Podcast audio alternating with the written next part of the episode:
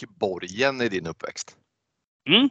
När jag var yngre så spelade vi det lite då och då. Men eh, så här, senare år då har det inte blivit väldigt mycket. Nej men precis, för er som inte vet vad Drakborgen är så är ju det här ett brädspel. Ett brädspel som går ut på att man då ska gå in i Drakborgen, leta rätt på skatten, ta med så mycket skatter man kan och sen gå ut. Och den som har kommit ut i Drakborgen med mest skatter vinner spelet. Det finns bara en baksida med Drakborgen, att det är jävligt svårt att ta sig ur Drakborgen. Monstren är många där inne. Och anledningen till att, eh, hej förresten, jag heter ju Niklas och jag driver podden som fruktade solnedgången tillsammans med dig. Kristoffer, eh, hej! Hej! Jag, anledningen till att jag tar upp det här nu, det är ju att dagen till ära så ser ju vi en film som heter Berserker som du har visat för mig från 1987. Och parallellen till Drakborgen blir då den här karaktären. Man kan ju nämligen välja på ett axplock av karaktärer när man ska ta sig an Drakborgen. Och en av mina favoriter från förr hette Sharak Haj Vargdödaren. Kommer du ihåg honom? Jag kommer inte ihåg så mycket av det där spelet, men det är kul. Men eh, du säger det så var det väl någon slags eh, Berserk, eller ganska lik va? Ja, verkligen. Han hette alltså Sharak Haj Vargdödaren och han hade alla karaktärer i spelet hade en, en USP, alltså en specialegenskap som de utöver den amulett man fick i början kunde nyttja då. Sharak Haj Vargdödarens USP var att han var en bärsärk. Man kunde slå en tärning och gå in i bärsärk-mode och när man var där med honom så var man otroligt bra på att slåss. Så att man kunde liksom banka ihjäl massor med fiender som fanns. Det där fanns ju svartalver och orcher och bergstroll och allt vad det var i det där eh, och skelett och såna här grejer. Men, men Sharak Harivar, dödaren, var då jävligt bra på att slåss mot de här. Men problemet var att det fanns en baksida med den här bärsärken. Det var ju också att han kunde liksom inte tänka rationellt längre. Så han kunde liksom inte gå från rum till rum utan han sökte hela tiden fight istället i, i, i bärsärk-mode. Och det var lite svårare att inte bli bärsärk längre. Det var hans grej. Eh, och, och, och eh, ah, en liten parallell till är ju att min favorit hette Bardor Bågman. Han var någon bågskytt. Tyvärr så hade man bara ett visst antal pilar men det var ändå han var ändå, han var ändå härlig på något sätt. Riddar. Rohan var fan med, eller hur? Visst hette han så? Roan, ja absolut. Och, och, grejen är så här att mycket pekade på att eh, Nej men precis, Riddar Rohan var ju, han hade ju en så paradrustning som en, han såg ut liksom som något tagen ur Ivanhoe. Problemet med honom var att han var väldigt osmidig i den här, han var väldigt skyddad i den här dräkten. Eh, och när man då kunde stöta på saker där man behövde vara smidig, där, eh, där, där var ju Rohan då, ja Rohan, eh, väldigt taget från Sagan om ringen naturligtvis. Eh, men, men han, var, han var svag där. Det fanns också en cool soldat som hette Targrim den mörke. Hans USP var att han kunde liksom, du vet, använda onda ögat på fiender så att de flydde. Så slapp han slåss. Det var bra. Jaha. Jaha. Det var bra. Hur står det till med dig idag då? Nej, men du, det är bra. Det är bra. Mm. Jag, jag, jag, kan inte släppa riktigt drakborren där för att det, det här var länge sedan. Alltså det här, jag, kan inte, jag vet inte när jag spelade det här senast men jag kommer ihåg framsidan. Eh, att den var otroligt otäck tyckte jag när jag var yngre. Jag tror jag kan ha varit någon så här polares brorsa som man kanske hade där hemma. Vet, man mm. för liten för spelare men visst fan är det någon så här, det är väl en borg på framsidan? Ja, det är Drakborgen helt enkelt. Ja, såklart att det är det. Mm. Den ser ganska så här, skräckinjagande ut. Riktig jävla borg. Och grejen var att det där fick väl nya uppdateringar liksom med tiden sen. Det vart liksom, de införde lite nya regler och sådär. Men nu har de återgått och det är lite häftigt. Det var min kompis Bengan som hade det här spelet. Vi spelade alltid det hemma hos honom och han, nu har de liksom återgått till den edition som var när jag var liten. Så att jag tror att om jag skulle spela här nu så skulle jag få en så extrem nostalgitripp för att jag, jag kommer ändå ihåg jävligt mycket från det här spelet och jag var, jag var väldigt förtjust i det. Ja, kul. Utöver Drakborgar så är det bra. Det är eh, inte hunnit se så mycket film eller sådär. Men jag såg den här, någon ny som kom på Netflix här. The Angelmaker. The Änglamakerskan på mm. Netflix. Som är något, jag brukar alltid snacka ner så här Beck-filmer och så vidare. Och det här är verkligen inte mycket bättre. Men det är danska och danskar gör vad de gör bäst. Det vill säga de, de, de följer inte utsatta regler på allt och på alla sätt och vis som svensk kriminalfilm ofta gör. Utan de, de kör lite eget och de är inte rädda för att visa lite mer eller för att ta lite tuffa beslut. Lite moraliska dilemman och så vidare. Eh, det var ändå trevligt tyckte jag. Nej, men du vet, så här, 3 av 5 så är det absolut inget som någon kommer säga så här, den där kan man ju, den behöver man ju verkligen se. Nej, det behöver man verkligen inte. Men eh, trevlig ändå. Men det där är ju också lite intressant för att det, man behöver ju mycket 3 plus. Grejen är att om du bara skulle se 5 plus hela livet, vilket, vilket många gör misstaget att försöka jaga, det är ju som att dricka de här allra tyngsta, dyra rödvinerna hela tiden. Vet du. Man behöver ibland bara ta en, eh, en långburk av billigare sort. Ja, ja för fan. De här, de här tre filmerna de har man ju för att bryta av lite. Så måste det vara för att eh, det skulle aldrig kunna finnas eh, fem plus filmer eller fem plus musik om det inte fanns ettor eller treor. Liksom. Det måste finnas. Det måste alltid finnas de där också. Och man måste se dem för att kunna uppskatta det här andra. Helt rätt. Verkligen. Men du, du har ju sett för jäkla mycket film istället. Du har ju införskaffat någon så här eh, bibliotek med massor av filmer så att du nu återigen har hamnat i någon slags limbo där du har för mycket att välja på. Så jag vet. För se någonting utsatt det här är ju ett stort problem för mig och det här har varit ett problem ända sedan streamingtjänsterna började att när det finns ett stort utbud så hamnar jag i en slags limbo där jag inte kan välja något istället. Ett idealt upplägg för mig hade varit att någon bara berättar för mig vad jag ska se eh, och sen så ser jag det. Då, då, I och för sig då är det andra problemet att jag ogärna lyssnar på tips. Alltså jag, jag har hamnat i en situation där jag har väldigt svårt eh, så att säga. Men jag ska ta upp en film som jag har sett. Eh, förutom då att vi går igenom Scream-serien, har vi bara del 6 kvar där ska jag säga. Eh, får väl anledning att återkomma till den någon gång kanske. Men jag tror att en film som jag såg i samband med Halloween här som har passerat precis. Då, då, då såg jag en film som, som heter Trick or Treat. Är det en film du har sett? Nej, inte ännu. Trick or Treat, jag tror inte att jag tagit upp den här i podden. Ja, men det är lite så trevlig antologifilm eh, egentligen som väver ihop eh, några människors öden under halloween och det är en väldigt så här, mysputtrig eh, skräckfilm av Michael Docherty och Michael Docherty är också känd för att ha gjort en av de bästa julskräckisarna jag vet och det är Krampus. Eh, Krampus har jag haft anledning att se flera gånger nu och den är också väldigt, väldigt bra. Det här är en, en regissör som helt klart är väldigt förtjust i detaljer. Alltså det är väldigt, väldigt Liksom, det finns ingenting som lämnas åt slumpen, vare sig i Trick or Treat eller i Krampus, utan han bygger upp det väldigt mycket praktiska effekter. De enda gångerna han använder CGI är egentligen där det känns som att han måste på något sätt. Men annars är det faktiskt eh, liksom praktiska effekter mest och, och det har vi ju, kan vi inte nog poängtera du och jag att det älskar ju både du och jag.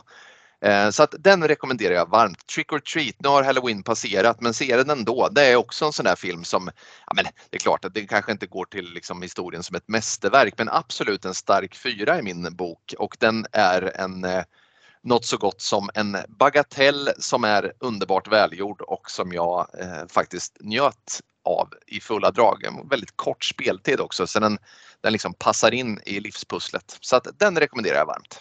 Av Michael Docherty. Michael Docherty heter han. Och han har inte gjort mycket mer sen. Han gjorde tyvärr en sån här King Kong-film, en av de här senare, som bara är CGI istället. Men de här gamla, de, eller de som har några fler år på nacken, Trick or Treat och Krampus, de ska man absolut se. Han spelar väl typ högerspringare i Wolves nu igen, var i Tottenham ett tag. Ja just det och eh, driver någon slags mattvätt ihop med sin farsa har ju du berättat för mig, vilket var väldigt härligt också. Det är inte den dockor. Eller det vet vi inte. Vi lämnar mm. det istället. Roligare så. Mm. Nej men alltså jag tyckte att visst, och det, det jag menar med just det där med Michael Docherty, anledningen till att jag minns den där mattvätten, det är att jag blir väldigt eh, förtjust i personer som har feta löner som han och ändå hänfaller till ett vanligt kneg. Både som du och jag har. Alltså ett vanligt jäkla jobb eh, när man ändå har kapacitet att vara fotbollsproffs och man ändå hjälper till där mer eller mindre ideellt i den där liksom, affären. Det, det, det är sånt där som, då är man för evigt älskad av mig. Den här parentesen är alltså att det är en annan spelare, det är en spelare, en fotbollsspelare som delar namn som vi nu pratar om. För den... det kan man väl. Ibland så är man så fast i våra egna referenser att man inte, ja, kommer inte vidare därifrån. Och vi gillar alltså att fotbollsspelare faktiskt har vanliga kneg. Det var, det var väldigt, vi, vi börjar om här nu. Vi, vi måste, du måste, jag, jag inser mitt misstag här. Michael Docherty, han har alltså gjort Trick or Treat, regissören, och han har gjort Krampus. Sen finns det en fotbollsspelare som heter Michael Docherty också. Eller heter han Michael Docherty? Han heter Matt Docherty. Matt Docherty, ja. Fy fan vad rörigt. Han har ett vanligt kneg där han hjälper sin farsa, där han jobbar på någon sån här mattaffär eller mattvätt eller något. Och jag älskar honom för det. det. Det var det jag ville komma till. Det är en helt annan person.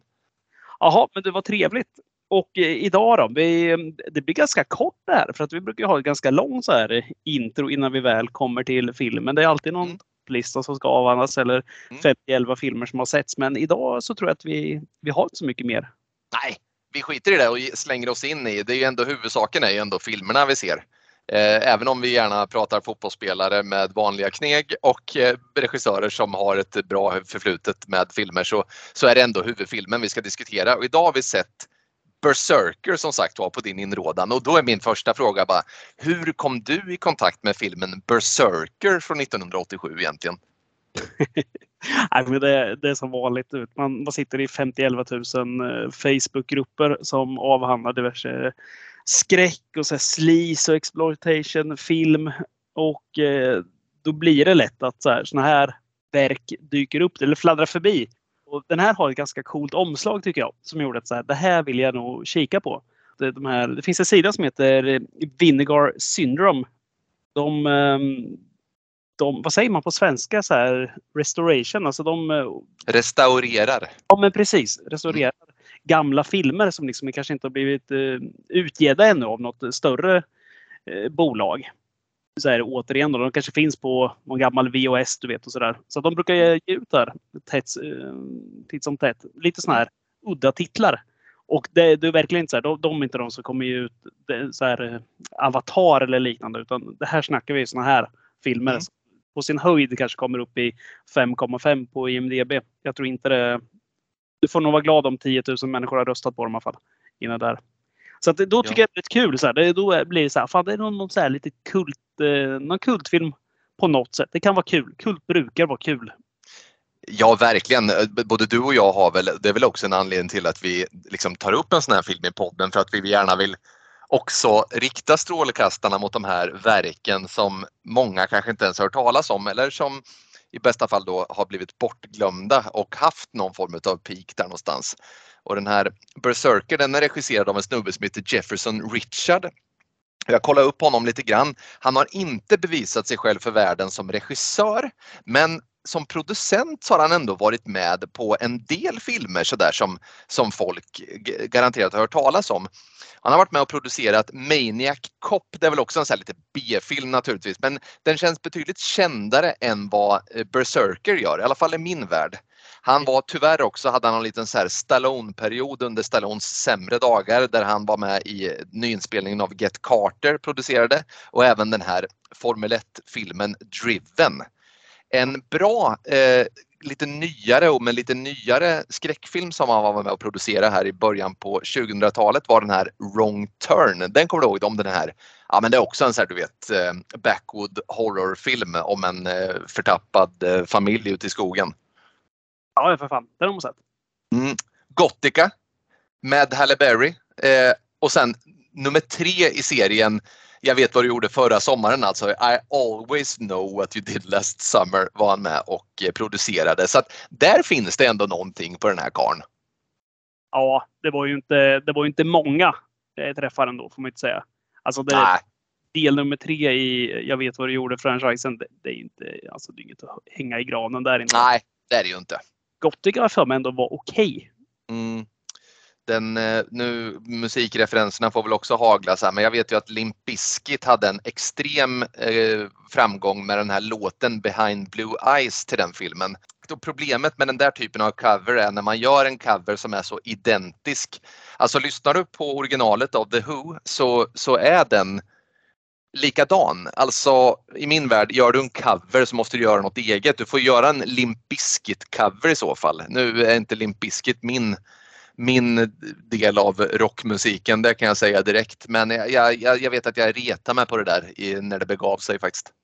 Ja, det är svårt. Men du nämnde Maniac Cop där. Det är ju en sån där film som jag faktiskt skulle vilja lyfta i podden någon gång. För det är, mm. det är riktigt härlig. Den har ju även Bruce Campbell i huvudrollen också. Det är ju mm. det är allt, bara det är ju värt. Om du tycker att eh, Courtney Cox är tre av fem, bara hon medverkar och visar sig i bild. ja. Tycker jag ja. att alla filmer som innehåller Bruce Campbell är tre av fem i, i betyg. Och vet du, vad, vet, du, vet du vad det innebär också? Det betyder att du är betydligt mer älskad i skräckfilmsammanhang än vad jag är, antar jag. ja, eller bara kartokig. Ja, ja, det med.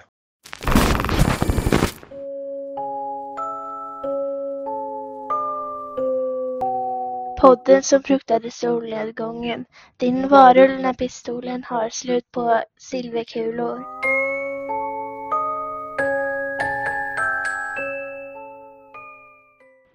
Ja, men vi sa ju från början att jag skulle mm, lägga upp lite film, äh, filmer, jag skulle lägga upp lite bilder på filmer jag sett. Alltså sådana här eh, obskyra verk och så vidare. Men det här vart ju mycket roligare att podda om tillsammans. Så att eh, jag eh, fixar de här. De brukar vara svåra att hitta på streamingtjänster och så vidare. Jag fixar dem, lägger in dem på någon eh, liten eh, på en liten sticka och vi skakar hand, utbyter filmen med varandra. Jag försvinner i nattens mörker. Du går hem. Ja. Då har vi lite poddmaterial istället, vilket blir mycket roligare. Vet du vad? Jag, eh, med tanke på den här filmen vi har sett så jag ser gärna mer av de här gamla förbisedda eh, kultfilmerna alltså. Det är väldigt, väldigt trevligt i min värld. Det, jag tror att det är så här också, att även om det här, det här är inga mästerverk, det förstår alla där ute. Att det här, mm. Den som förväntar sig nu att vi ska sitta och prata om Amadeus eller liknande, det, mm. det är inte. Det är och det här är ingen Alien eller sådär heller, utan det här är sådana filmer som de är väldigt enkla många skulle nog klassa dem som dåliga också. Men mm. framförallt så är det här filmer som är väldigt roliga att prata om tillsammans efteråt. Det är mm. en som man måste nog jag tror inte jag skulle uppskatta att se den här själv. Jo, det gör jag ju. Men jag måste få prata av mig med någon som har sett den efteråt. Förstår? Mm. Vad ja, ja, herregud ja. Verkligen. Det finns mycket man vill lyfta, så är det ju. Ja, det gör det. Du, du nämnde regissören Jefferson mm. Richard där. Mm. Jag eh, googlade också honom väldigt snabbt där precis innan vi slog igång det här mötet. Mm. Jag fastnade på ett citat av honom. Jag vet inte om du hann läsa det också där? Och Nej. Det här, det här är ju en 80-tals, 87 kom den här va? Mm. Han har ju en, eh, i en eh, intervju tillsammans med, som han gjorde med Vinegar Syndrome, så sa han så här. Allt du behövde på 80-talet för att göra film, det var en början, mitten och ett slut. Och mitten, det var inte så jävla viktigt så länge du hade ett bra slut och en bra start. Alltså det ja. säger lite om 80-talets filmskola. Mm. Och kanske mer om just 80-talets slasherfilmer. Ja men så är det. För att den här filmen, det ska vi säga, den följer ju också mycket av en klassisk slasher-mall. Eh, det måste man ju säga, även om den är, eh, den, den liksom utmärker sig på andra sätt. Så att, ah, men jag, jag, kan förstå, om han säger så så kan jag ändå eh, liksom koppla honom till den här filmen. det känns ju så. Nej, jag, jag ville bara citera det bara för att få med det sen så att vi kan eh, luta oss tillbaka på det där citatet och mm. prata om det. Ska vi bara nämna lite kort om eh, vad den handlar om? Eh, ja, absolut. Sex stycken ungdomar drar från staden och krogen för att spendera en helg ute i skogen. Där kan de på dagarna busa, bada och fnissa och i nattens mörker försvinna för att kissa. När ljuset slocknat önskar de nog att de åkt till Körn för i dimman utanför vandrar något som verkar vara en björn. Tack så hemskt mycket. Tack så hemskt mycket. Man sitter som på nålar och kan inte bärga sig här. Eh, nu eh, har vi då, ja, men vi, jag tycker vi, vi på något sätt, vi, vi tar det från karaktärerna här för att eh, som en klassisk slasherfilm så är det ju ett gäng karaktärer som vi får följa och det är ju ett gäng ungdomar som eh, på sedvanligt maner ska åka ut på landsbygden och eh, supa och eh, röka gräs. Och de här paren, det är väl, det är väl ändå lite härligt för att vi, vi kan väl, det, det, är liksom, det är ju tre par då. Och eh, den första vi kan ta upp är ju, tycker jag, jag, jag kan ta det första paret då så kan du ta vid där sen. Eh, och då har vi Josh Winter. Och Josh Winter han är, han är tuffast i gänget. Han är ju lite hårdingen, den som kör bilen och som skojar lite rufft med tjejerna och eh, ja, men han är väl, han är ju garanterat med i eh, vad heter det, fotbollslaget på, på high school. Eh, om det nu är high school eller om det är college eller vad det nu är. Han är, han är ju säkert någon form av lite mildare variant av Stifler i American Pie skulle jag säga. Eh, hans tjej, eller alltså, jag vet inte liksom om, det, om de är på väg att bli ihop eller inte, men de har inte riktigt, enligt mig i alla fall, har inte de riktigt samma parkänsla som övriga gänget och det är ju det är Christie och Christy är ju en, en blond tjej som liksom eh, liksom tar lite rygg på, på Josh. Men, men det känns inte som att de är halvgifta direkt. Men, men det hänger i luften mellan dem lite grann. Ja, det gör det. Jag har skrivit två um, utmärkande ord på henne. Mm. Kan du vad det är för något? Eh, nej, men ta dem. Eh, lättskrämd och kissnödig. Ja, vet du vad? Vet du vad, vet du, dagen till ära, alltså jag brukar ju aldrig föra anteckningar till vår podd men jag har, ska börja med det nu tänker jag för jag, jag, märker också att det är lättare att, att, sortera saker och ting. Och vet du vad jag har skrivit på Christie? Nej. Går ut och kissar väldigt långt i skogen. Eh, för att hon eh, blir ju kissnödig som sagt och det kommer ju kosta henne livet då. Precis på klassisk slasher-manér. Men alltså om man sitter i en stuga, Kristoffer, mitt i skogen och dricker bärs och det är kolsvart och alla andra är i huset. Då behöver du inte gå en mil för att kissa. Du kan ju sätta dig på andra sidan ett träd bara. Ja, vem vet, de kanske har någon så här illaluktande svampinfektion eller någonting. Ja, det måste vara något sånt ja. Nej, nej, det var äckligt sagt det där. Det, tar, det, det var inte bra. Nej. ja, vad har vi mer för par då? Nej, men då har vi nästa par då. Då, då kommer de här namnen. Alltså det är ju vilka jävla namn det är. Josh mm. Winter som du var inne på då. Mm. Kommer nästa. Mike Stone. Det mm. låter som något slags UFC-namn. Kommer du ihåg han? Vad hette han för någonting? Han hette, hette han Mike Hands of Stone? Nej, var det Matt Hamill eller? Nej, det var, det var något så här. Han var säkert inte ens stor där, men han, han hade liksom ett eh, han hette väl Stone i efternamn där, så la de till Hands of Stone. Som ah, okej, okay. för att annars var ju Hands of Stone den klassiska mellanviktsboxaren Roberto Duran kallades väl för The Hands of Stone vill jag minnas. Ja, så kan det säkert vara. Många som säkert har fått gå under det namnet. Där. Det ska jag tro. Ja, och eh, det här är väl ingen tvekan heller om att den här killen lär också vara med i fotbollslaget. Nej, vet du vad vi har? Vi har faktiskt något helt annat igen. Vi har en Kurt Russell i sin prime här. Han, han skulle som honom. För det var det jag skulle komma till. Att han eh, bär ett linne. Han bär ett sånt här linne som Kurt Russell alltid hade. Du vet, så här alldeles för kort linne. Som är så här typiskt 80-tal. Det, är liksom, det slutar där skärpet börjar. Ja, ja men precis om han reser sig upp, liksom, då blottar han halva bröstkorgen. Ja, men, ja, men exakt. Jag ska bara säga att om parallellen med Josh Winter var Stifler så är det här Casanova i American Pie-filmerna. Ja, det är det väl.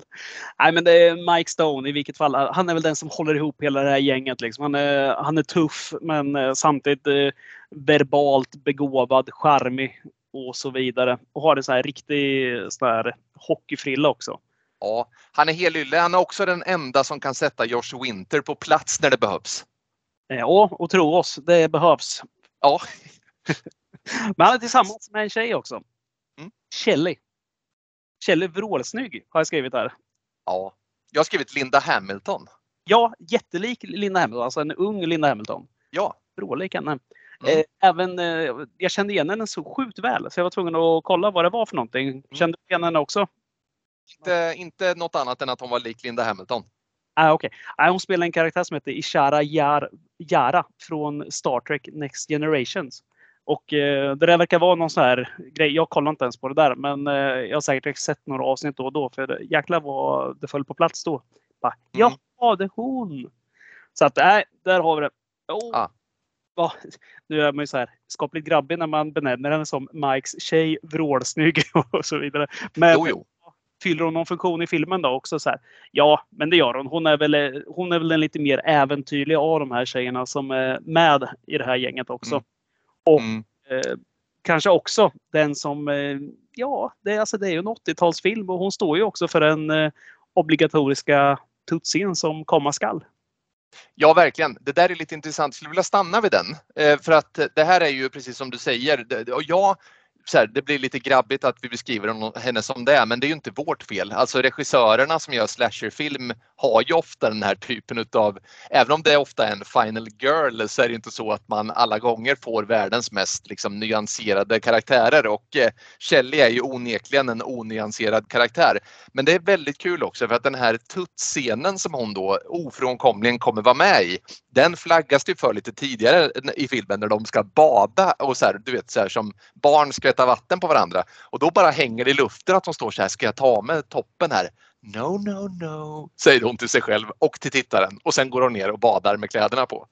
Det tycker jag var väldigt kul. lite roligt för att den scenen, just den du nämner där, det är ju lite Mm. som eh, så här, liknelsen till att någon så här, sträcker ut en hand och försöker så här, norpa en kaka du vet, och sen slår det ju Mm. dig på fingrarna bara så här, Nej, nej, nej! Vet, så här, Ja. Här blir det Det tuttar. blir inget. Ja men verkligen, så är det. Sen har vi ett par kvar eh, och det är eh, mesproppen då, den obligatoriska mesproppen och nörden som heter Larry. Och Larry han får ju ofta höra då, eh, kanske inte under filmen men i någon form av avskedstal mellan Josh Winter och Larry så när Josh Winter då ska be om ursäkt för att han har eh, retat Larry för att vara en bokmal så får vi veta att ja, men han är ju han är väl jättenördig då. Eh, och sen så har han en eh, tjej som är, om Shelley är grå i, i den bemärkelsen att hon inte liksom har några liksom, du vet, karaktärsdrag direkt så är ju hans tjej Kathy ännu mer grå för hon har ju ingenting att tillföra till filmen. Nej, hon har inget. Men du, heter han eh, Larry? Heter han inte Rodney? Eh, fan, jag har skrivit Larry. Är det någon annan som heter Larry eller? Jag vet inte. Har vi sett samma film? Jag, jag måste fan kolla bara för att jag har varit helt ställd där. Det kan vara jag som kommer ihåg fel här. Nej, han heter ju Rodney i förnamn som skådisen. Sorry. Du har rätt. Jaha, Heter okej. Nej, nej, precis. För Larry, nej, jag misstänkte väl det. Nu var det fint om jag hade skrivit noteringar för första gången och eh, misslyckat fatalt. Ja, men Ja. Larry heter han.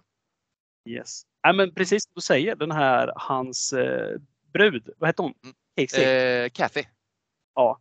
Skapligt blek. finns ju inget där. finns inget att hämta alls.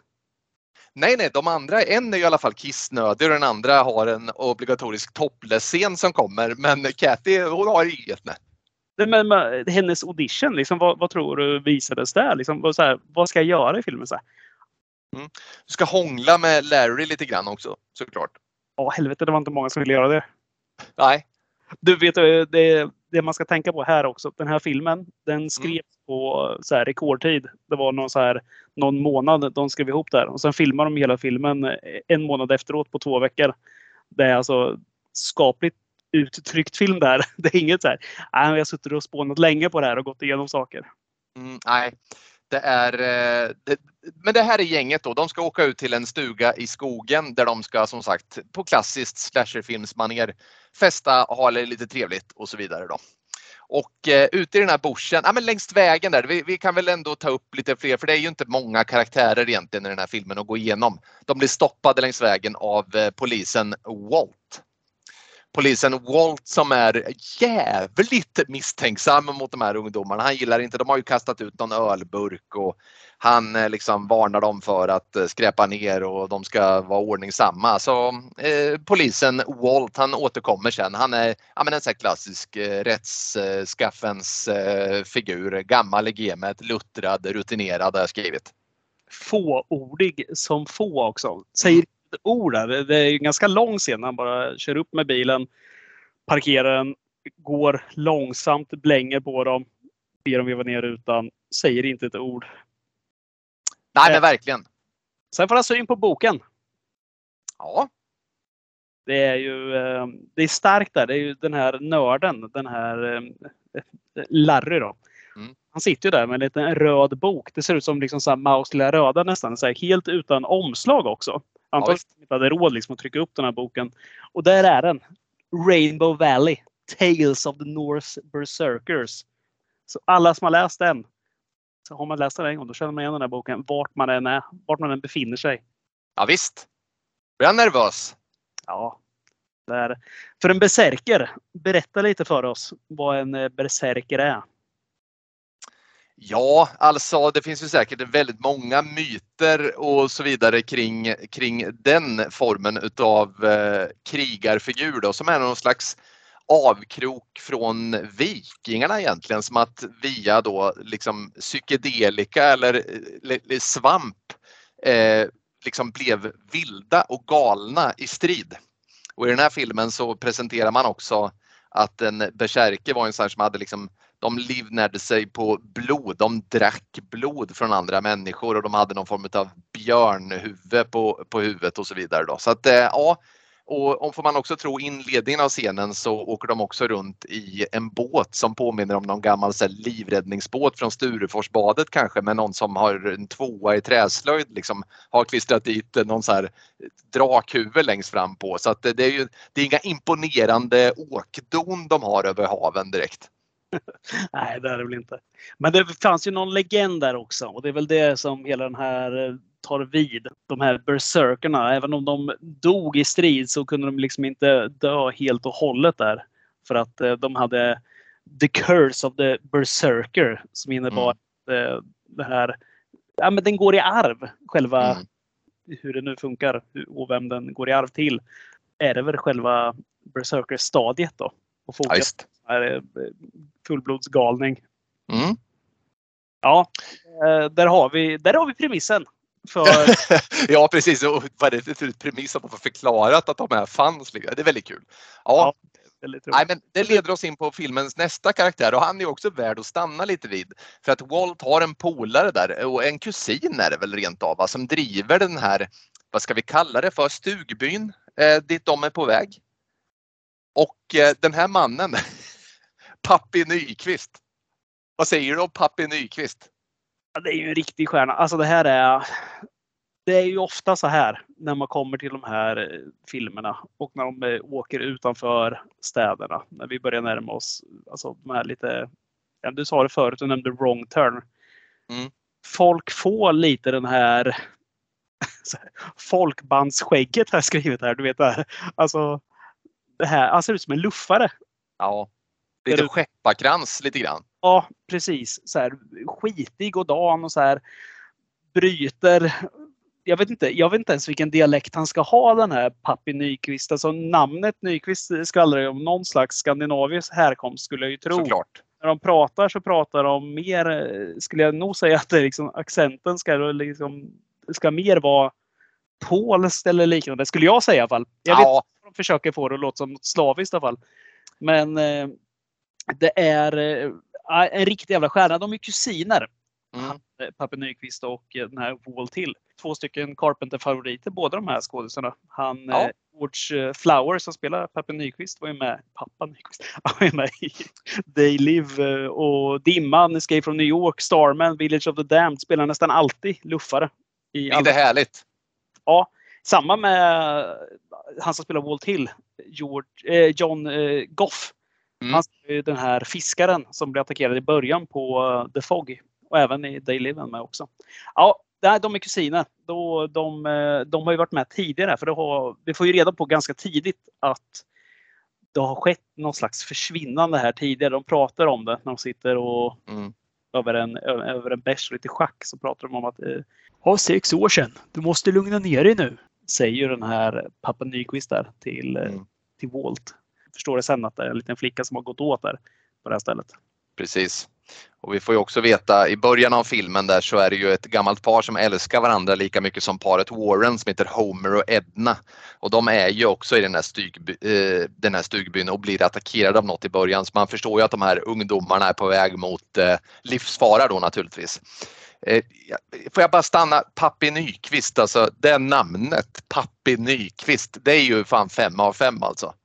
Det, det är ju så, det är så jävla dumt namn alltså. Pappi Stone hade man i alla fall okej, okay, ett, mm. ett av två som satt så här. Mm. Pappi Nyqvist är ju så jävla fel. ja, det är väldigt kul. Jag har skrivit om Pappe Nyqvist här. Eh, pederast? Frågetecken. Alltså då tänker jag på, då tänker jag på det här att han, han gillar ju artiga unga män. Han berömmer att han, han, han tar ju upp det med dem att en av grabbarna, han var ju snygg. Så här. Och det var ju då Mike. Men han gillade inte, han gillade inte Josh. För Josh var dryg. Så. Och, och vet du vem han ser ut som? Pappe Nyqvist. Han ser ut lite som Ernst Günther. Ja, Eh, kanske jag gör. ja, den här filmens Ernst Günther är det. Ja, men mycket mystiskt då. Eh, ja, men de känner ju, de spelar ju lite schack eller vad det är och, eh, och vad heter det, lite, dricker lite öl ihop och, och pratar om den här historiken också i den här stugbyn tillsammans. Jajamän. Vi har ju, alltså hela grejen är ju att vi fattar ju att polisen har ögonen på de här ungdomarna som ska iväg för att han mm. Josh, du var inne på det, han sitter ju och dricker lite bärs i bilen, röker lite gräs, skräpar ner. Vi fattar mm. att ja, men de kommer ha koll på dem. När de sen anländer där, det blir ju som du var inne på här också med att Pappi berömmer deras utseende och så vidare. Det mm. blir en grej här när de kommer fram. Josh eh, har ju otroligt dåligt temperament också. Väldigt ja. Eh, lätt att börja skrika så här. Lite så här bortskämd nästan. Man mm. Men han vill ju till det här, The Sergeant Place kallar han det. För han har ju varit där, han är ju uppvuxen i den här, på det här campingstället. Hans farsa, som verkar ha varit någon slags väldigt frånvarande pappa. Och de stannade ju alltid på The Sergeant Place som är någon av de här fem stugbyarna som finns där. Just det.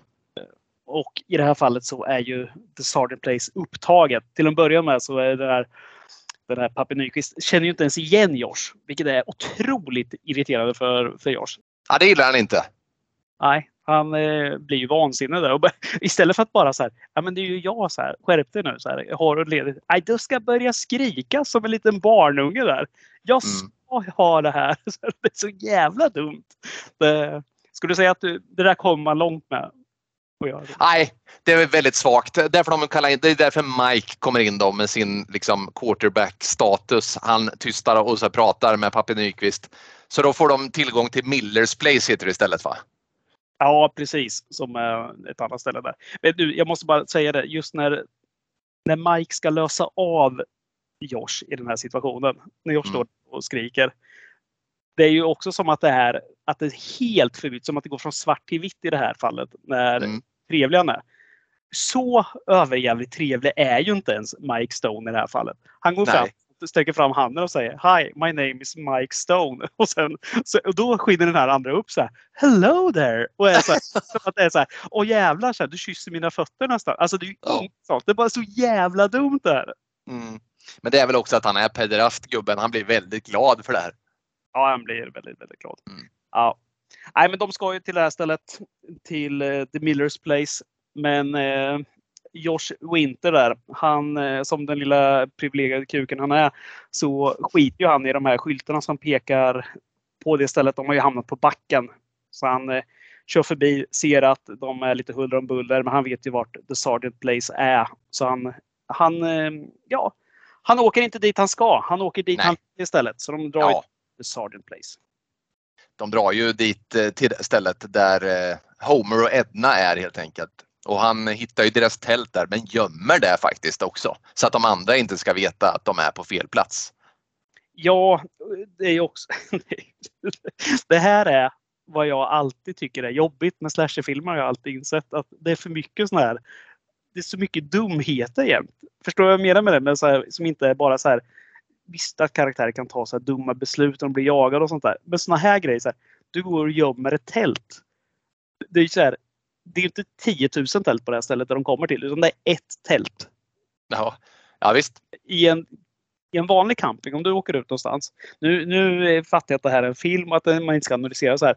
Men om det står ett tält någonstans och du vet att ja, de har hyrt ett tält eller en plats här i en vecka. Om du går och gömmer det tältet då, samma dag du kommer dit. Det är ganska tydligt på vem det är som har gömt tältet. Du sen har ditt tält där. Ja, ja, herregud. Och det är ju som att man också bortser från det faktum att eh, om tältet står där så tillhör det säkert någon som snart kommer tillbaka. Det blir väldigt märkligt då när de har intagit det huset. Exakt, väldigt eh, konstigt bara. Ja. Det, väldigt märklig grej att ha med i filmen tycker jag, att det löser på det här sättet. Men skitsamma. Det... Ja, det, ja, det, det, måste man säga många gånger vad gäller den här filmen. Skitsamma, för det är mycket som, eh, ja, det där. ja, det är hiskligt. Men men, där börjar det hända grejer. Det är ju, eh, ska, vi, ska vi ta upp, för nu tycker jag vi har tagit upp de här karaktärerna och det är de vi har att jobba med. Farorna då? Kan du berätta lite om farorna i den här filmen? Ja, eh, alla faror är ju att det är... Ja, så här. När jag började kolla på den här filmen, jag har sett den två gånger nu. I, mm. När jag började kolla det igår på den så sa min tjej som låg och sov, sa så här du har satt på någon sån här skräckfilm. Jag hör direkt vad det farliga kommer vara i den här. Jaha, så här, så Jag vet ju vad det är redan, men hon bara, ja, det är sån här, jag hör dem. Wild Animals. De har sagt det fem gånger nu. Mm. Så är det. Vi har, vi har ju en björn som stryker omkring som vi får filma ganska ofta i den här filmen. Mm. Det, det, är fullmåne. Det, rökmaskinen är i full gång. Den är stor mm. upphettad någonstans för så mycket används den här rökmaskinen för att skapa ja, Och eh, den här björnen den vandrar runt där Eh, Jonas Wahlström har släppt ut den och den mm. traskar runt. Och ja, filmen säljs verkligen in som att det är en björn som mm. kommer skövla ungdomar här. Mm. Ja men verkligen. Och den glider verkligen också runt. Det är kul att du säger Jonas Wahlström för den går ju runt som, en, som hajen i Reef ungefär. Simmar runt i frid. Precis på samma sätt går den här björnen runt i frid. Ja, det gör den verkligen. Men ja. vi har ju även eh, den här den här berserkern som vi möts av i filmens början där som anländer med mm. sin vikingabåt. Då. Eh, men, och det där fejdas ju lite fram och tillbaks mellan de här hela tiden. Vi fattar liksom att eh, vi fattar kopplingen. Den är inte jätteavancerad. Nej, verkligen inte. Det är också, nej men det är så, och det är ju, vad skulle du säga, hur skulle du fördela kill, ligger björnen bakom något dödsfall skulle du säga här eller är det berserkern som dödar allihop eller hur tolkar du det? Nej, jag, jag, skulle säga det som att det är Berserkern som är mördaren och har ihjäl alla. Björnen får ju faktiskt reda på uh, The Good Guy lite senare i filmen också.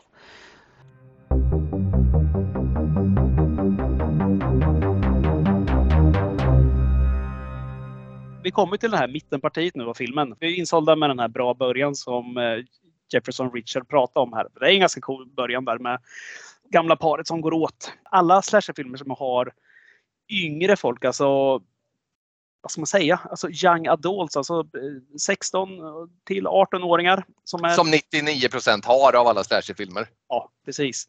Så innebär det ju att man åker ut, eh, dricker gränslösa mängder alkohol som någon har köpt till en. Man röker braj och eh, man älskar i naturen tillsammans mm. med eh, sin partner eller sin, någon annans partner eller så vidare. Det brukar alltid vara så. Mm. Och de här gör ju exakt samma sak där.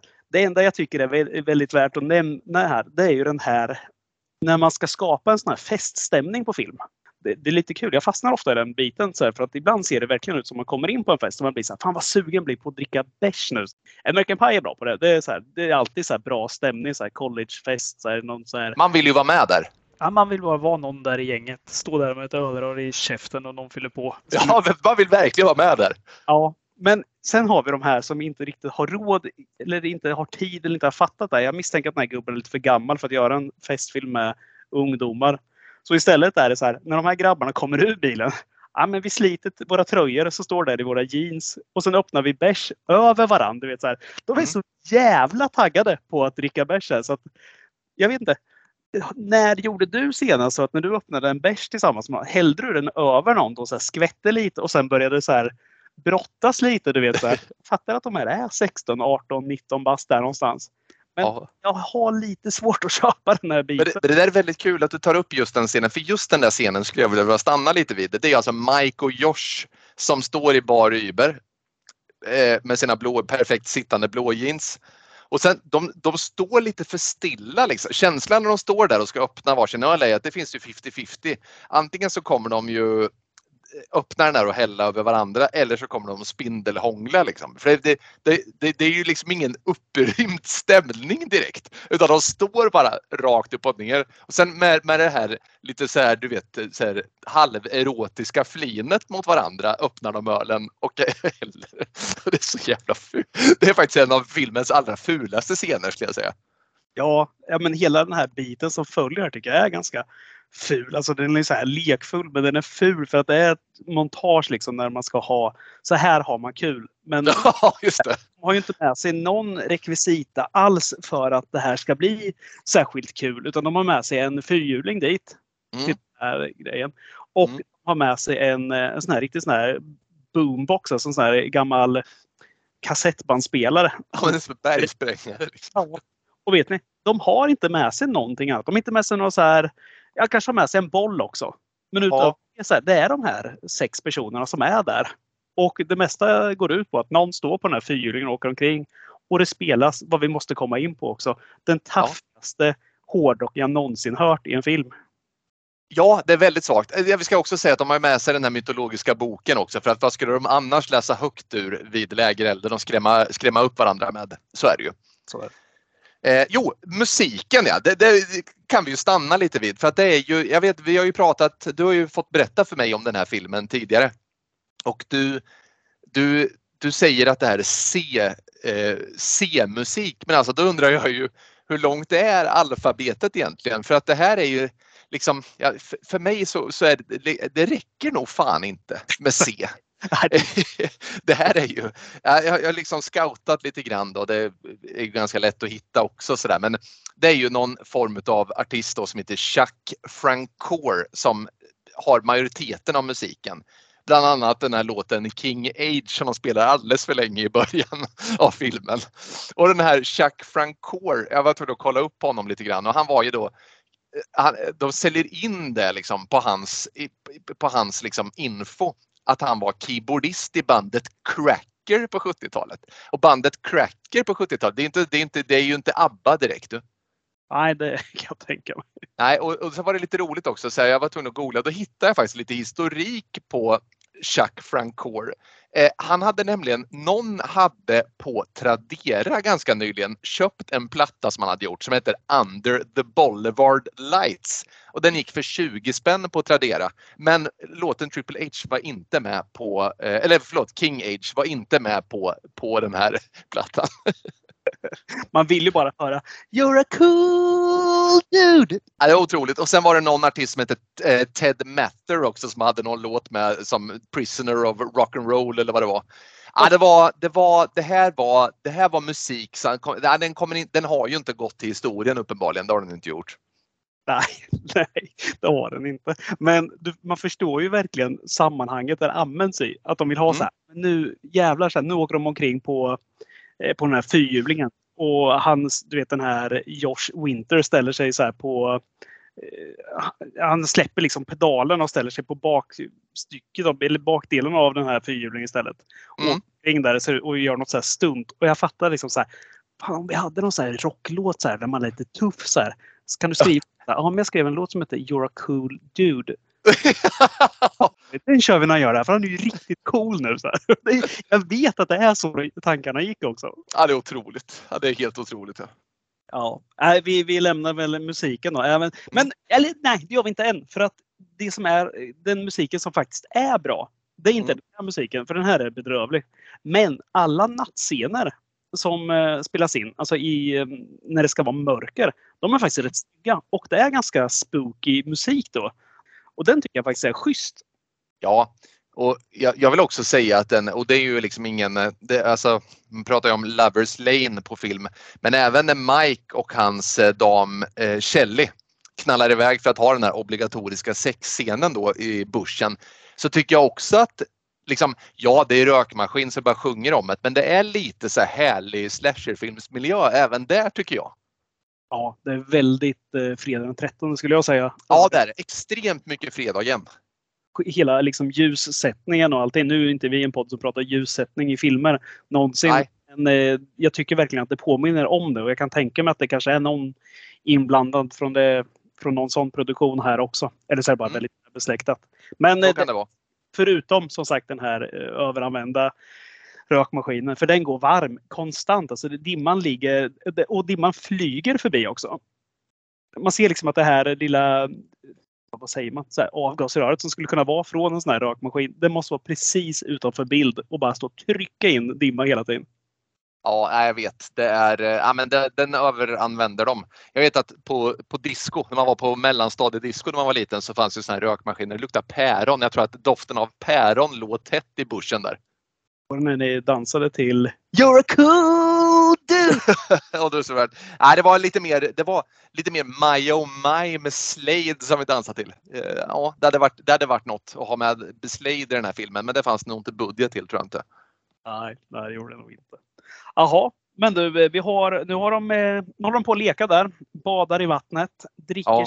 bärs, älskar i nattens mörker. Mm. Och eh, ja, var ska vi ta vid? Ska vi ta vid här att vad heter hon? Chrissy? Chris, Chris, Christy. Ja, Christy, ja. Christy blir skrämd mm. av, av Josh. Han håller alltid på att skrämmas där. Han ja. dyker fram med någon liten så gammal handske. Då sitter vi i en liten lägereld typ. Och det är inte jättemörkt ens. Nej. Där från ingenstans smyger då Josh upp och eh, ta, har hittat någon så här gammal äcklig handske. Och sen mm. säger typ så här bu bakom henne. Mm. Det här är ju ett väldigt oskyldigt prank som mm. eh, mitt på ljusa dagen inte borde vara särskilt läskigt. Men eh, Mike Stone där, testosteronfylld som bara han antagligen är. Han flyger upp och gör världens grej av det här. Det tycker jag är väldigt roligt också. Ja, jävla vad arg han blir. Han blir väldigt arg. Och ja. lite rädd också från ingenstans. Mm. Misstänker att det finns något trauma där. Ja, hon är lättskrämd. Ja, men det, är också, det, det leder ju, alltså alla går in i den där lilla stugan och sen börjar med sitt Kuttra 7. Men, men Josh har ingen att Kuttra 7 med för Christy går ut 400 000 mil ut i skogen för att kissa. Eh, och, och, det är där någonstans sen på vägen tillbaka som hon möter eh, Mike och eh, eh vad fan hette hon nu, Kelly när de ska ner till den här lilla liksom eh, det vattenbrynet där de ska liksom eh, få till det här och gå till bas 3 här nu då. Och sen nu börjar de dö en efter en här av, av det här som vi ska tro är björnen. Och jag skulle vilja gå in lite på, på de här dödsfallen för att eh, det är ju, det är ju ett, alltså Christie och Shelley. Det, åh, jag vet inte, alltså det här. Vad säger du om dödsfallen liksom i den här filmen? Jag tycker ju att i en slasherfilm, även om jag inte är det största fanet av det, så tycker jag att det finns vissa saker som man ska som man faktiskt ska göra. Och det, det är precis som man är inne på Jefferson och Richard. Du ska ha en bra början, ett intro som gör att man fastnar. Det vill jag ha. Mm. Sen ett ballt slut också med någon liten twist. Någon, alltså, precis som i Bond, jag vill ha en, gärna en skurk som förklarar varför han har gjort det här. Tar sig masken, du vet, det visar sig vara brorsan eller syrran eller pappan och så vidare. Mm. Men så vill jag också ha, det där är en del sen vill jag ha de här offren som ska dö på ett kreativt sätt. Jag vill gärna ha olika typer av dödsfall. Jag är, tycker om liksom när Jason kommer och har ihjäl på olika sätt. Jag, eller så vill jag bara att det ska vara rått och jävligt. Du vet. Men ja, i den här Berserker, det är ju den här handsken som dyker upp. Alltså det, är, det är inte Freddy Krueger-handsken heller, utan det här är, det är en tass. Alltså det är en, återigen, det är någon som har gått expo på, på media där och, och i papier-maché så här, strött ut lite hår på lite lim och sen med några knivar och sen river någon över ansiktet. Det, mm. det, det ser för jävligt ut faktiskt. Ja, det är knappt också vi kan kalla det för att riva för det ser mer ut som att någon kletar färg på Kelly och Christy. Liksom. Och de, så här, du vet på bästa Jesus-manér vänder de andra kinden till också varannan gång. Så här, kleta här, kleta här, kleta på armen och sen skriker de och skriker och skriker. Och det roliga med de här skriken, både från Berserker och de här ungdomarna är att den som har hand om klippningen i den här filmen klipper ju liksom mitt i skriken. Alltså, det blir, alltså du vet, det, han, har, han eller hon har misslyckats kapitalt med när man klipper. Liksom. För det, det, allt blir avbrutet hela tiden. Så här. Ja, det, jag tyckte väl faktiskt att kanske den delen just var helt okej okay just när vi har den här sexscenen mellan eh, Mike och eh, Kelly. När de, när de eh, når bas 3 där och eh, då Christy blir attackerad då pendlar vi däremellan. Det, vi, klippningen pendlar ju mellan liksom, överfallet och 6-1, eller hur? Ja, precis. Den tycker inte jag är rätt snyggt där. Men det är kanske mer för att man tänker så här. Så här oh, men vad fan, vad ville man se på 80-talet? Så här, det, var ju, det finns ju liksom vissa saker som sålde då. Det var sex och blod. Och jag fattar liksom att det här båda, det är det som är pengar i filmen. Pendla mellan det här och vi har det exakt det publiken vill ha. Men jag håller med. Det är ju Absolut. sjukt det här med ljudet just. Det är ju bedrövligt. Men, ja, men exakt. Och, och, jag har inget emot klippningen som sådan, att man klipper däremellan. Det är ju snarare bara liksom hur man klipper. Jag vill mena att den i synken ligger en halv sekund fel hela tiden. Vilket ja. gör att det är jävligt fult klippt. Även om jag förstår att man klipper däremellan. Liksom. Ja, nej, så är det och, och här blir ju panikartat eh, helt klart då. Och eh, ja, men jag tycker ändå att vi, vi kan väl gå in på så att vi för det här framåt när vi verkligen får se hela The Berserker. Eh, och det får vi först göra när Josh blir angripen. Ja, stackarn. Han sitter och pratar med Larry där. Larry har ju ramlat och brutit benet eftersom eh, Josh också är ortoped så kan han med det här lilla färgklicken på benet beröm, bedöma att det är tvär av här och så han sitter med honom och då kommer The Berserker. Och då vill jag prata med dig om designen på The Berserker. Vad tycker du om, eh, vad tycker du om den här eh, vikingakrigaren? Ja, alltså det är så här. Det finns ju, om man tar någon, den här filmen ändå förutsätter ju någonstans att den här personen ska ha levt ute i de här skogarna ett bra tag. Mm. Ifrån. Eh, för att hitta någon lämpligt offer som kan ta vidare den här förbannelsen på något sätt.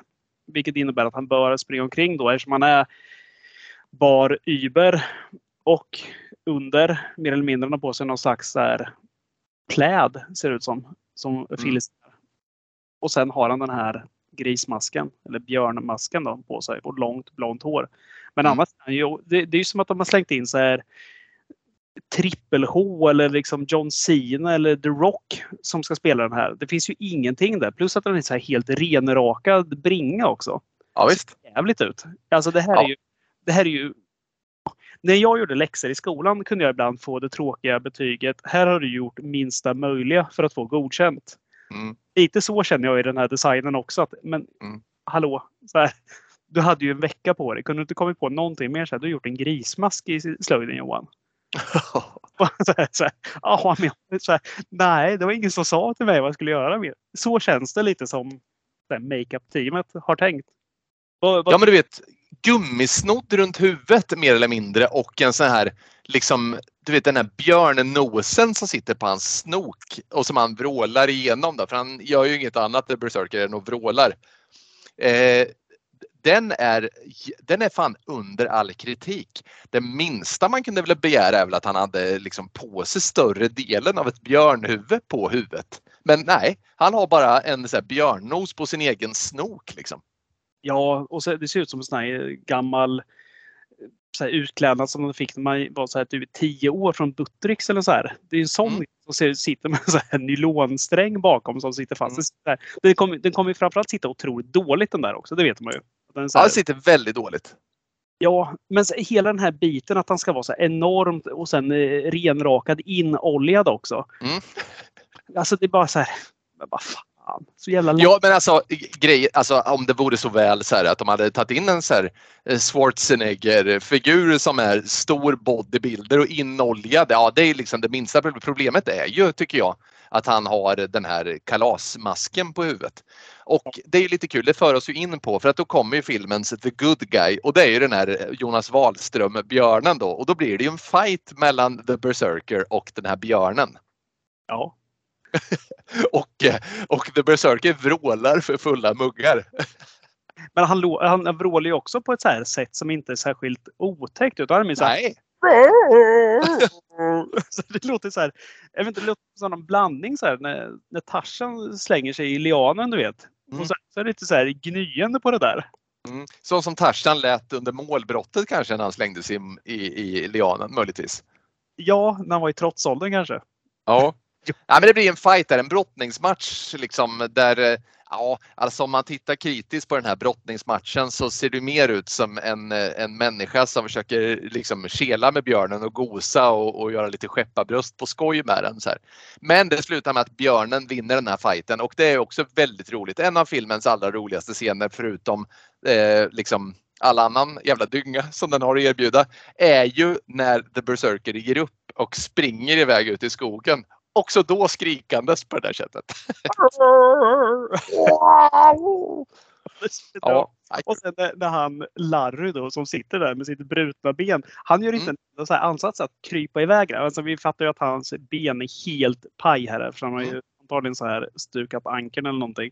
Mm. Men eh, alltså, han, han måste ju vara fruktansvärt sargad. Ja, ja visst. För han, han, alltså, det blir ju en, ett slagsmål där. Alltså, det, han försöker inte ens släpa sig därifrån. Nej. Sitter istället och reser sig upp liksom, så att den blir halvsittandes där mm. på backen. Och så sitter han så här. You go! You go! Yeah! Yeah! Och sen börjar skratta lite så här. There you go! Just det. Heja på björnen! Ja, det är som att han sitter där i någon slags wrestling maner som bara sitter och tittar på det och väntar på att någon mm. så här ska pile-driva den andra och sen bara så yeah! Och det är sjukt fint. Ja, verkligen. Verkligen. Det där är lite kul för att det är ju sen när det blir vetter mot dag så att säga, då kan ju Larry däremot hasa sig iväg. Och eh, alltså om benet nu är brutet så, här, så går han ändå, visst han haltar och ramlar då och då så här, men han har en krycka men han går rätt bra på ett ben som är brutet skulle jag ändå vilja hävda. Och han söker sig tillbaka till det övriga gänget då och det här är också en scen som jag var tvungen att notera för att det är ju Shelly, eh, hans dam, hon gömmer sig ju i en, nej inte Shelly, Kathy heter hans tjej. Hon gömmer sig ju som den grå figur hon är, eh, hjälplös i en stuga. Och sen hör hon Larry och det här är väldigt kul för när hon då kommer ut ur den här stugan för att springa bort till Larry. Den scenen tar ju aldrig slut, hennes löptur.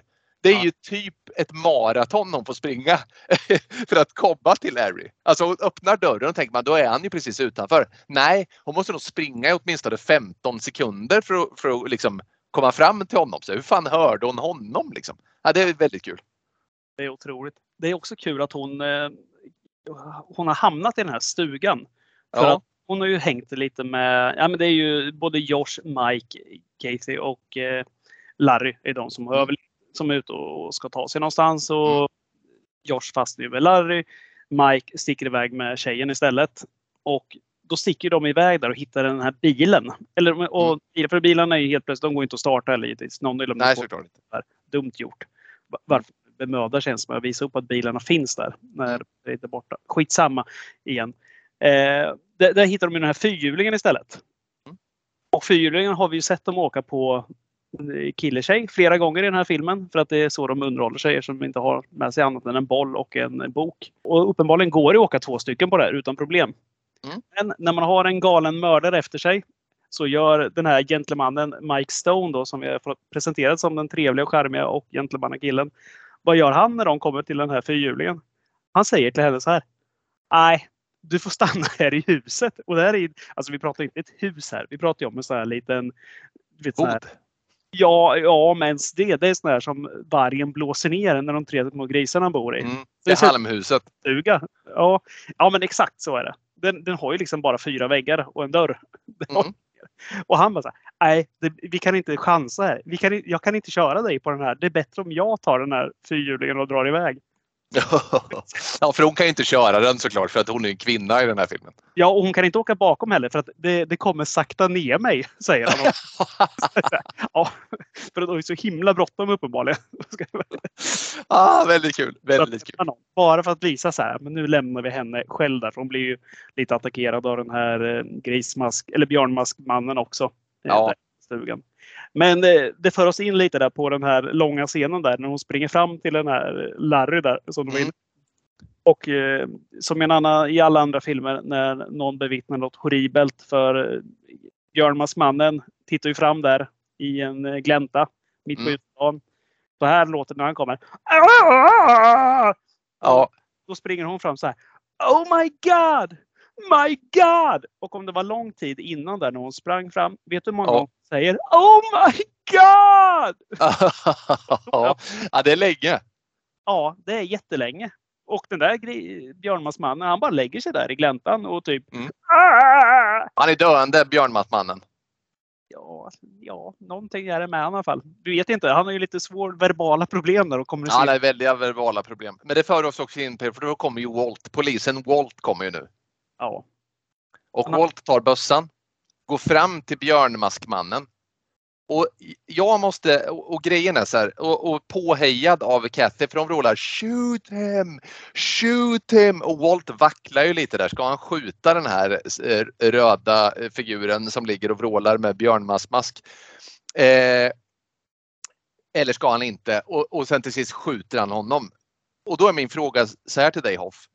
Får man som polis gå fram till en främmande skadad karl, eh, karl som vrålar eh, och skjuta honom bara hur som helst? Nej, det, det där vet jag inte. Amerikansk polis, de gör lite Ja. sånt. Jag, jag, jag liksom, för att Walt har väl inte direkt några bevis på vad som har hänt här utan han går ju egentligen bara fram till en person som ligger skadad. Som visst, mycket misstankar finns ju men, men jag vet inte, jag, det, det känns som att han ändå begår lite tjänstefel här när han bara skjuter den här personen. Med tanke på att Walt inte har sett någon Nej. dö i den här filmen. Han har ju bara anlänt dit. Han har Han har hittat lik. Ja, har han, han har, har han hittat Han ett lik? hittar väl något jävla lik va, har jag för mig Walt. Kanske han gör. Det, Ja, men han vet ju inte vem det är som har gjort det. Nej, nej, det gör. Nej, det vet han ju inte. Men eh, i vilket fall, han har ju bara blivit, det är ju bara Mike som har varit där med sin eh, fyrhjuling och sagt till honom att eh, någon har attackerat dem. Mm. Och dit. Men jag, jag får liksom så här känslan när han ska skjuta honom. Det är ju så här. I en vanlig film, eller i 99% av alla sådana här filmer, så får man ju någon slags så här spänningsmoment. Du vet, så en final fight eller något så här, någon twist, någonting. Här, ja, det blir ju väldigt långt när han står där med gevärspipan riktad mot den här björnmaskmannen. Och stråkarna är uppe så här, bara så här. Och Hon bara, oh my god, oh my god! wii, wii, wii, wii, wii, wii." Och så står han där och tittar så här och det är så här, man tänker så här, ah, men ska du skjuta någon gång eller vad är det som händer? Så här, tänker man så här, nej, det är nu han vänder sig mot dem istället du vet så här och brassar ihjäl två tonåringar istället för att han var med Ja. på det. Eller du vet liknande så här. Precis. Nej, men det är så, så smart är inte den här filmen. Den har ju inget sånt där. Utan Nej, nej, ingen, ingen, ja en twist finns ju men inte någon rejäl där nej. Nej, men jag gick ju och tänkte hela tiden på eftersom de har sålt in där innan. Du vet det här. Oh, du, cuss, you know what happened six years ago. Du vet det här, den här lilla tjejen som eh, de eh, misstänkte hade blivit eh, björnföda där uppe. För hon var så illa däran liksom. Sen kom det fram till att, de, att hon antagligen hade drunknat istället i någon obduktion. Bla bla bla. Ja, visst. Och sen pratar ju den här andra Josh där om att han har varit på det här stället med sin pappa. Som sen bara lämnar, lämnar de eh, familjen. Bara sisådär. Han bara försvann från en dag till en annan.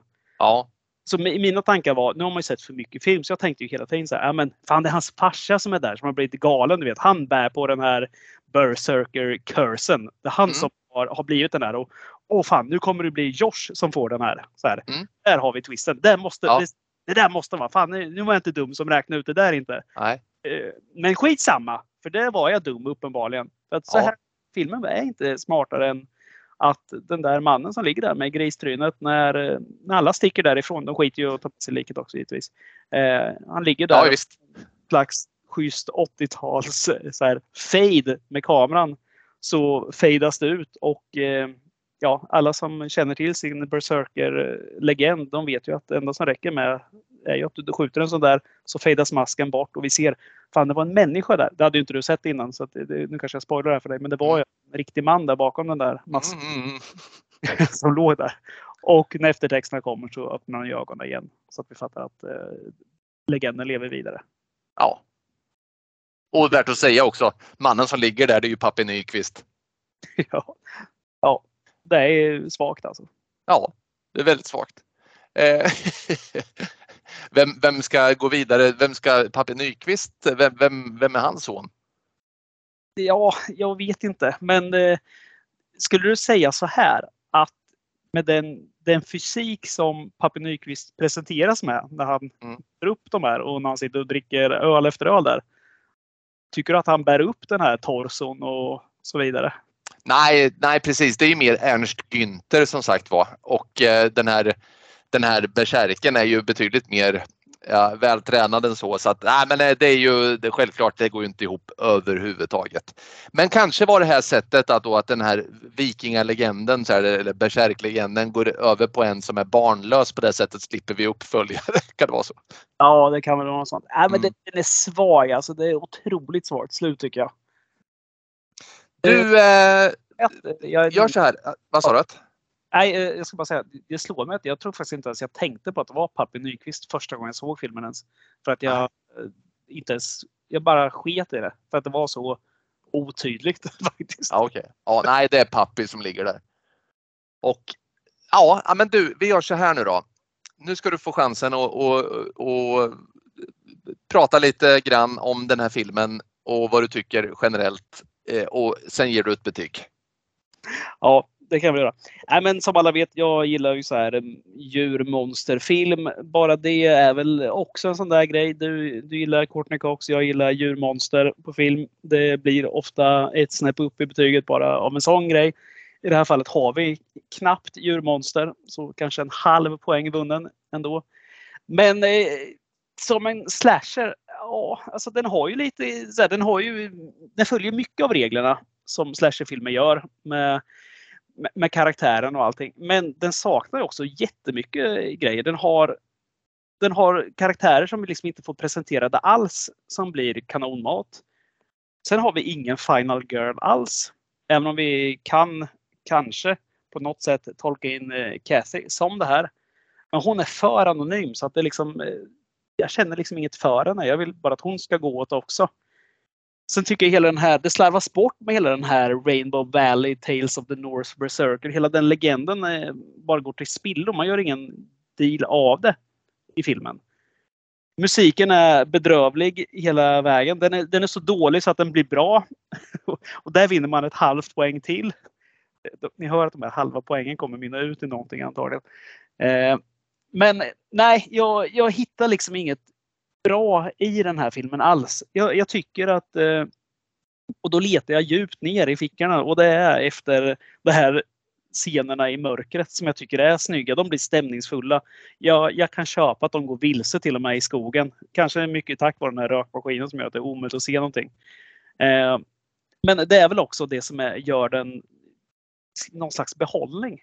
Och hur dålig den här filmen än må vara så är det som vi har pratat om att den är ändå underhållande på något sätt. Jag plockar inte upp telefonen, jag sitter där och tittar vidare.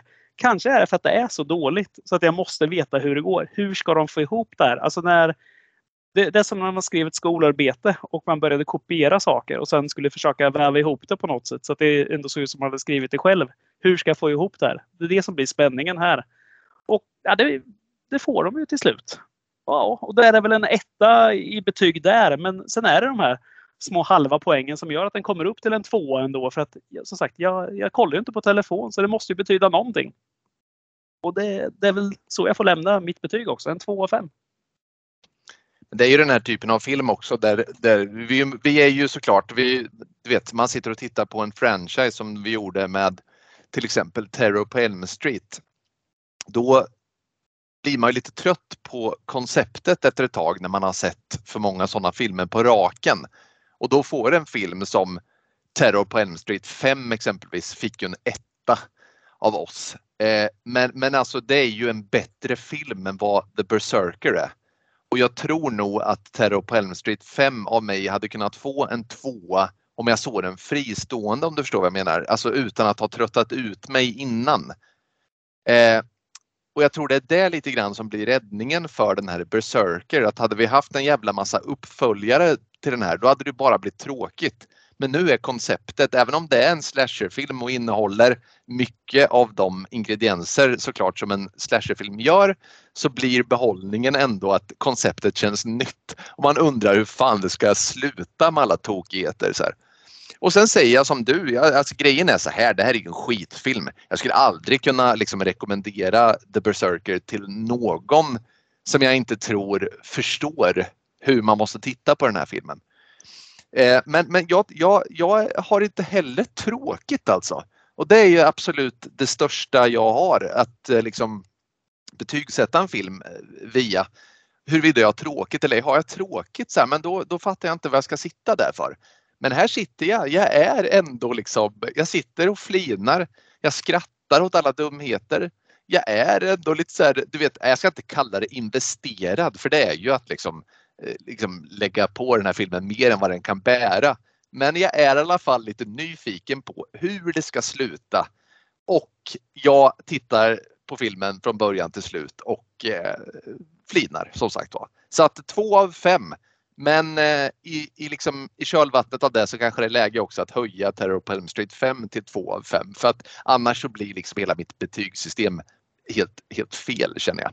Men 2 av 5 till The Berserker. Har du liksom ett öga för den här typen av film och kan uppskatta sådana här dumheter, ja kolla upp den. för det, det, ja, det, det, det, är dumt. det är dumt.